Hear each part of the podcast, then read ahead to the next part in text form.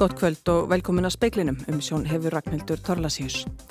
Norski fjöldamorðingin Anders Bering Breivik kemur ítrekkað fyrir í samskiptum mannan tvekja sem grunaðir eru um að skipulegja hriðjuverk hér á landi.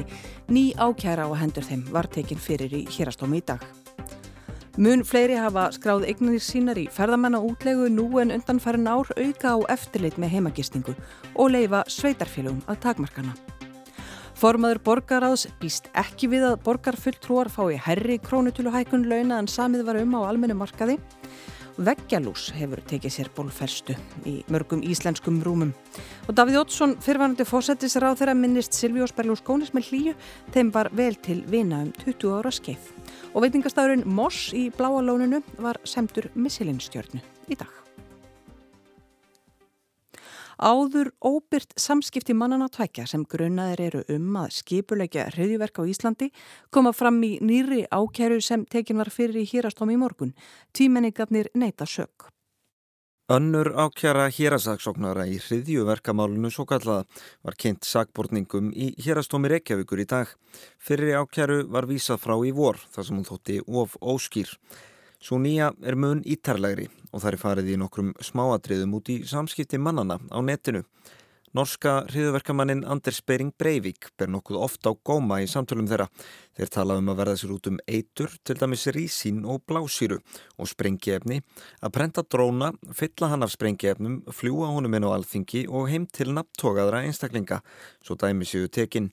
Svein Andri Sveinsson, lögmaður annars mannsins, gaggrindi fyrri ákjæru fyrir að vera óskýra og þótt þessi sé skýrari finnst honum ennvanta upp á. Er, hún er mörguleiti sérstök, hún svona mínum að þið fyllir ekki alveg, ekki mér ekki alveg til móts við þá, þá þau sjónum með sem út í frávísinu sín tíma. Vegna þess að það er svona mjög litlu leiti líst uh, og ekki, ekki líst hvaða hátt sem það var sem var verið undirbúa. Það er að hverjum hriðverkin átt að beinast, hvar og og, og, og hvenar.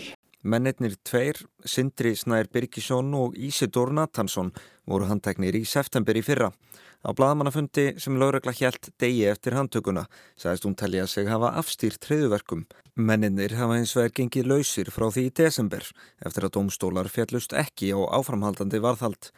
Tvímenningarnir hafa áður játað á sig vopnalega brott en alla tíð neitað treyðuverka ákjörum. Alexander Kristjánsson saði frá. Formaður borgaráðs, Einar Þorsteinsson, gerir ekki ráð fyrir að kjörnir fulltrúar borgarinnar fái herri krónutölu hækkun á launum en samið var um á almennamarkaðnum.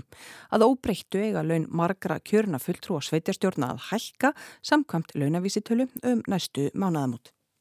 Í samningum á almenna vinnumarkaðinu var ákveð að laun hækkuð ekki meira en um 66.000 krónur.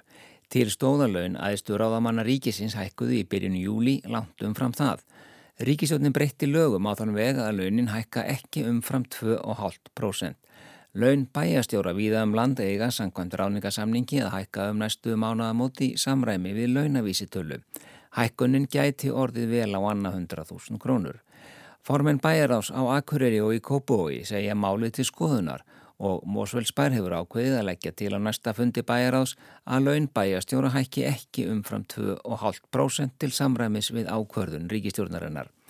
Einar Þorstensson formaða borgaráðs segir að borgarstjóri og borgarstjórn hafi afþakkað launahækkun kjararáðs á sínum tíma.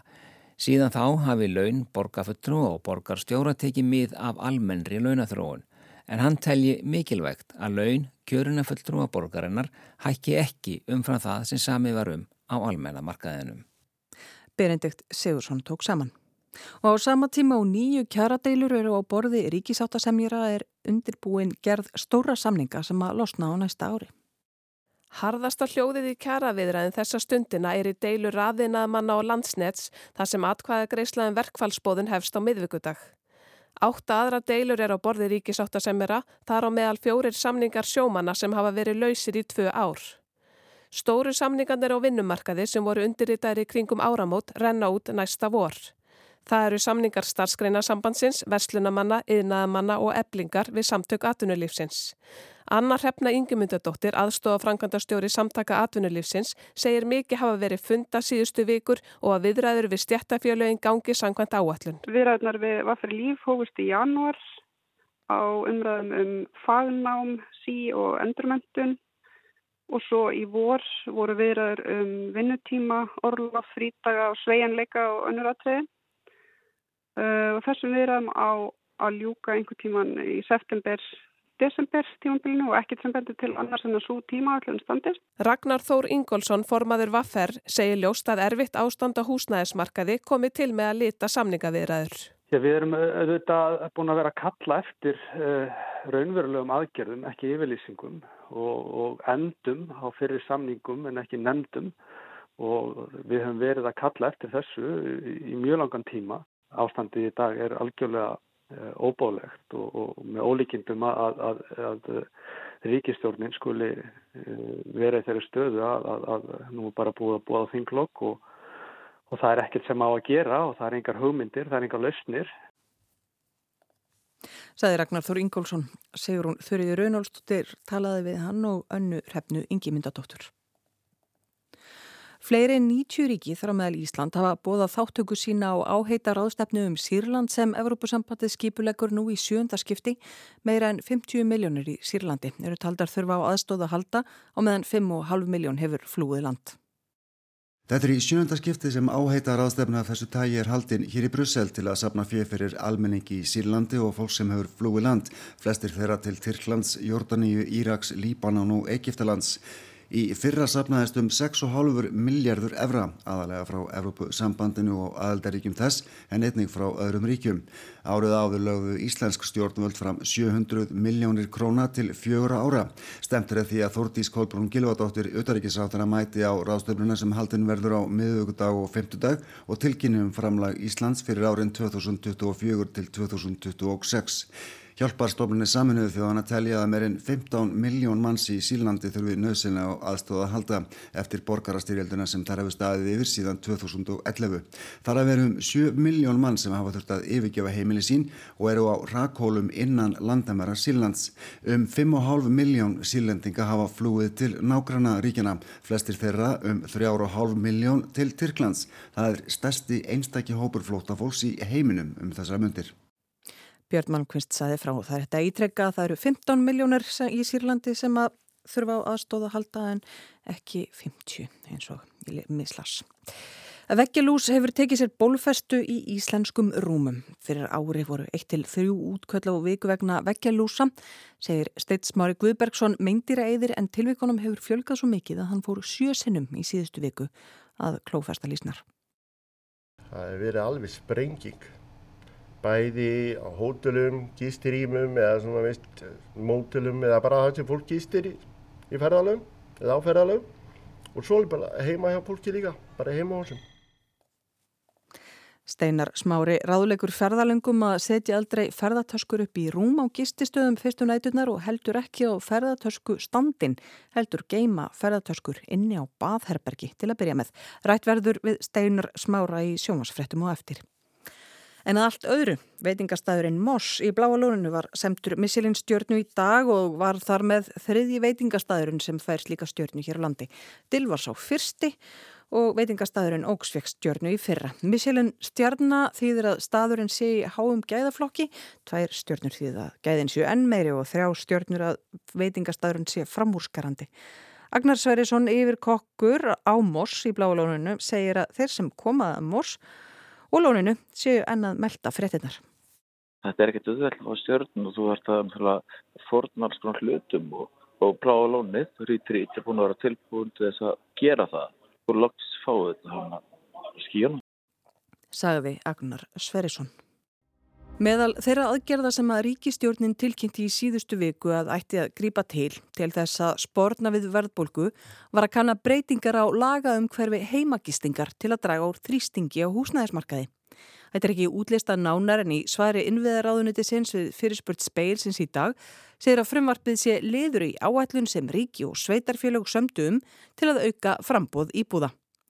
Vísað er til árskamalla tillagna um umbætur og húsnæðismarkaði þar sem að meðal annars var lagt til að lögjöfin yrði endurskoðuð þannig að sveitarfélög getu ákveðið á hverjum tíma í hvaða mæli skamtímalega verði heimil umfram tiltekin dagafjölda sem lögjöfin ákveður og að eftirlit með heimagistingu verði aukið. Meira um svar ráðuniti sinns á eftir hugum að stöðun eins hún er í dag. Núgildandi reglur tóku gildi í áspyrjun 2017 og með þeim varð fólki heimilt að leia út heimili sín eða aðra egnis og sumabústað í alltaf 90 daga á ári án þess að þurfað sækja um rekstrarleifi. Ekki má hafa meira en 2 miljónir króna í tekju af þessari útlegu og svo upphæð hefur staðið í stað lengi. Þessar reglur voru viðbráð við leifislausum gistingum í miklu mæli og með þeim átt að skýra mörkin á melli gististarf sem í atvinnuskinni og tímabundinar leigu í gegnum deilihagkerfið eins og segir á vef stjórnaráðsins og með þessu átti að fást betri yfirsýni við gistiframbóð, bæta skráningu, fá auknar skattegjur og einfalda regluverk. Það er því þannig og hefur verið í 5-6 ára þeir sem ætla að leia fastegt sína út til skamstíma eiga að skrá sig hjá ennbætti síslumannsins á höfuborgarsvæðinu alveg sama hvar þessi fastegnir á landinu. Þeir þurfa líka að staðfesta að íbúðin uppfylli kröfur um brunavarnir, ástand egnar og að hún sé samþygt íbúðarhúsnæði. Þeir fá svo skráninganúmer og eiga að byrta það í auglýsingum um heimagistinguna, til dæmis á Airbnb. Síslumannsembættið heldur utanum skráninguna og hluta eftirlits til að mynda hvort egnin er í óskráðu húsnæði. Sigriður Kristinsdóttir er síslumadurinn á höfuborgarsvæðinu og hún segir að þau finni fyrir auknum áhuga fólks nú á að leia út fastegnir sínar í skamtímalegu. Við höfum tímalust fundið fyrir aukinni skráningu í skráningabeinum á heimagistingu og einnig þá í símtölum og fyrirspurningum og upplýsingagjöf til aðila sem að hafa huga á að leia eignuna sína í heimagistingu. Hvað hafið þið gefið út mörg leifi núna í ár? Eh, það sem aðver ári að þá höfum við gefið út 2293 leifi og sem dæmi þá samþjóttu við allt árið 2022-2180 skráningar og það, við höfum samþjótt á sama tíma í fyrra 1092 þannig að það, séum það, það er mikið leikning. Það líti gagni að miða við COVID-sumurinn 2 2020 og 2021 en allt árið 2019 voru samþyktar um 2240 skráningabeðinir og snemsumars það ár höfðu um 1670 skráningar verið samþyktar. Miklu færri en nú þegar þær eru sem segir hátt í 2300 á sama árstíma. Það er samsagt umtalsverð aukning núna líka meða við árin fyrir COVID. Fleiri hafa skráð íbúðar sínar í heimagistingu en allt árið 2019 og líka allt síðast ár. Þeir sem leiði ferðamennum en sækja ekki um leiði til heimagistingar til síslumanns geta fengið stjórnvaldsagt, alltaf eina miljón króna fyrir hvert brott. Við hönnum við spúking og gerum alls konar. Það er að líka senda okkur ábendingar þar sem við skoðum hvort að það sem verður að bjóða gistingu, hvort að við komum til sé með leiði. Síðan ekki með leiði þá fer ákveðin ferill í gang og þess að fólk er þá varað við og sé ekki með þetta leiði og svo framvegil. Og síðan ef að það kemur í ljós að menn eru bara ásækjað með þetta leiðin og þá fá þeir stjórnarsegt, fá segt fyrir það og þeir geta náttúrulega þá sótt um leiði. Segir Sigriður Kristinsdóttir síslumadur á höfuborgarsvæðinu. Egnir af ymsum toga eru auglistar til leigu í skamman tíma á heimasíðu Airbnb. Það er hægt að leia nýju og glæsileg einbílishús, það er hægt að leia herbergin og heimilum, kofa í óbyggðum, þakki búð með heitum potti og bíla. Það verðast margir ætlaði ná sér í auka auður í sömar og það verðast margir ætla að taka sjensin og sleppa því að skrá sig eða í það minnsta ætla að láta það reyna. Það er kannski rétt að taka það fram að af heimagistingu er greitur fjármakstekjuskattur eða þá áallavega greiða af heimagistingu fjármakstekjuskatt. Og það þarf ekki að leita lengi til að finna íbúðir sem spoðunar eru til skamtíma leigu en er ekki skráðar á listan hjá síslumanni. Listin er ofinber og það er hægt að fletta upp á heimasíðunni hverjir hafa fengið skráningu sína fyrir heimagistingu samþykta. Stundum byrtir fólk engin númer á Airbnb, stundum leifisnúmer sem ekki er að finna á lísta síslumanns. Sennilega gömulnúmer því senda þarf skráningabeðinni til síslumannsins á höfuborgarsvæðinu og nýju almanangsári og vafalust tælja margi sig vera með gilda skráningu þó að svo sé ekki. Vilji fólk svo leia lengur enn í 90 daga eða fyrir herru upphæðan 2 miljónir þá telst að vera komið út í atvinnurekstur. Ja, þá ert ekki lengur auðvitað skilirðinn sem eru sett um heimagistingu og þá ertu komin á þann stað að það gæti verið að þú þyrtir að sækja um þá að vera með gisti heimili í stað þess að vera með heimagistingu. Þá ertu bara komin út í atvinnurekstur? Þá ertu komin út í atvinnurekstur. Og það gilda þá aðra reglur og miklu stífari er það ekki? Jú, það er, það er allt aðra reglur sem gildur. Það, þetta var einmitt sett á sínu tíma þegar það var, var að bregðast við þessari aukningu að aðeila vildu leia eigni sínar í þessari svo kallu heimagisting. En eh, ef að þú uppfyllir ekki þessi skilirði sem eru 90 dagar tekjur að hámarki 2 miljónir, þá erstu komin í allt annan flokk og það eru reglur um, um hérna, rekstarleiðu vegna gististöða og það eru flokkar frá 2 til 4 sem á það er ákveð skili sem það er að uppfylla þar. Umstaklar aðalega eru til dæmis sveitafjörlaugin, slökkulegðið og svo framvegis og það er allt aðra reglu sem gilda um það. Sagði Sigriður Kristinsdóttir síslumæðar á höfuborgarsvæðinu. Og aftur að svari innviðaráðuneyti sinns við fyrir spurn speil sinns um bóðað frumvarp í vetur. Þar segir að fyrirlikki að nokkuð sé um að íbúðarhúsnaði sé leikt til skamtímalegu án þess að heimakisting hafi verið skrað þjó síslumanni eða við unandi rekstra leifis aflað fyrir lengri leigu en í tjú daga. Það sé mikilvægt að ebla eftirlit með skamtímalegunni á sama tíma og sveitarfélögum verði veitt svigrum til að setja starfseminni ákveðna skorður, jafna þannig samkjafnistöðu og draga úr þrýstingi á húsnæðismarkaði.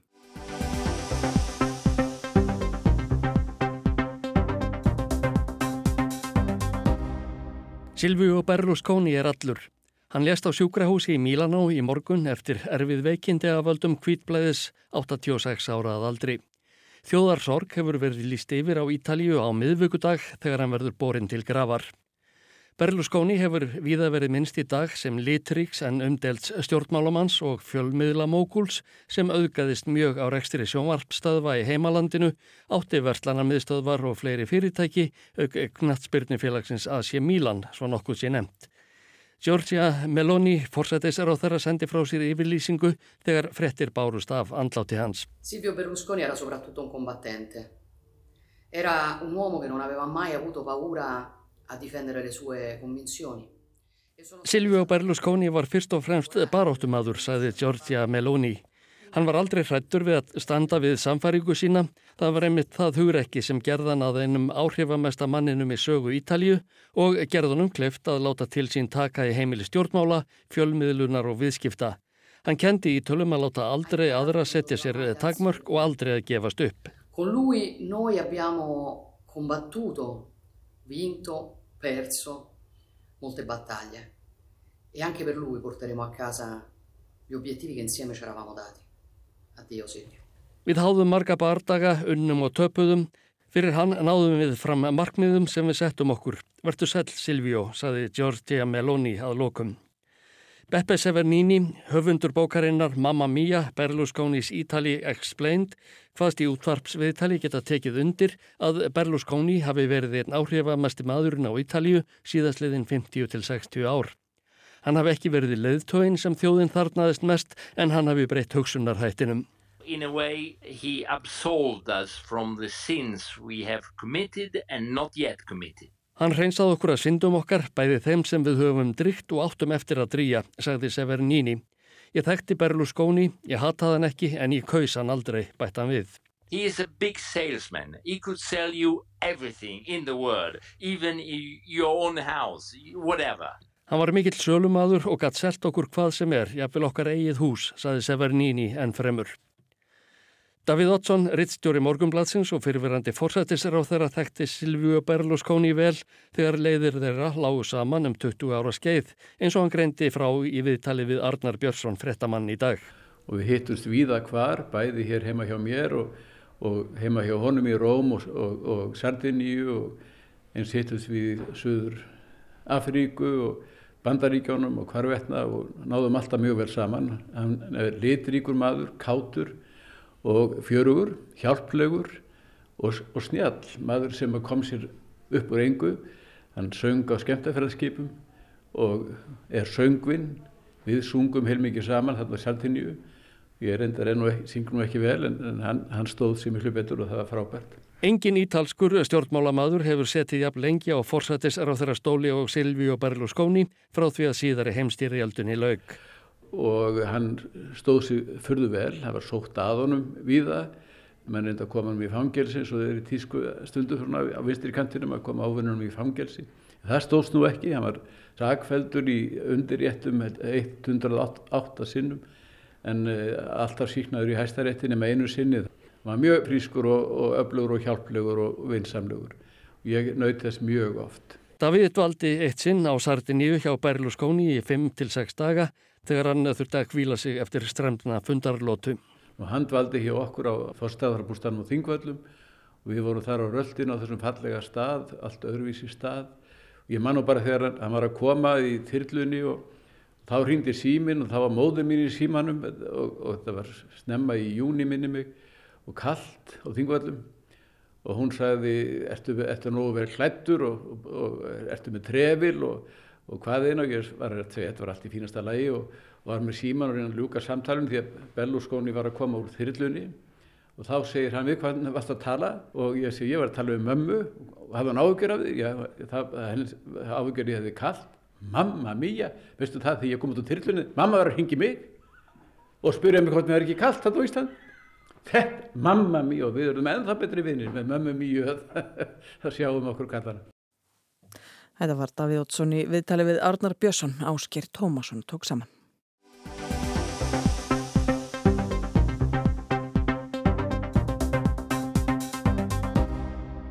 Welcome to the Hotel California.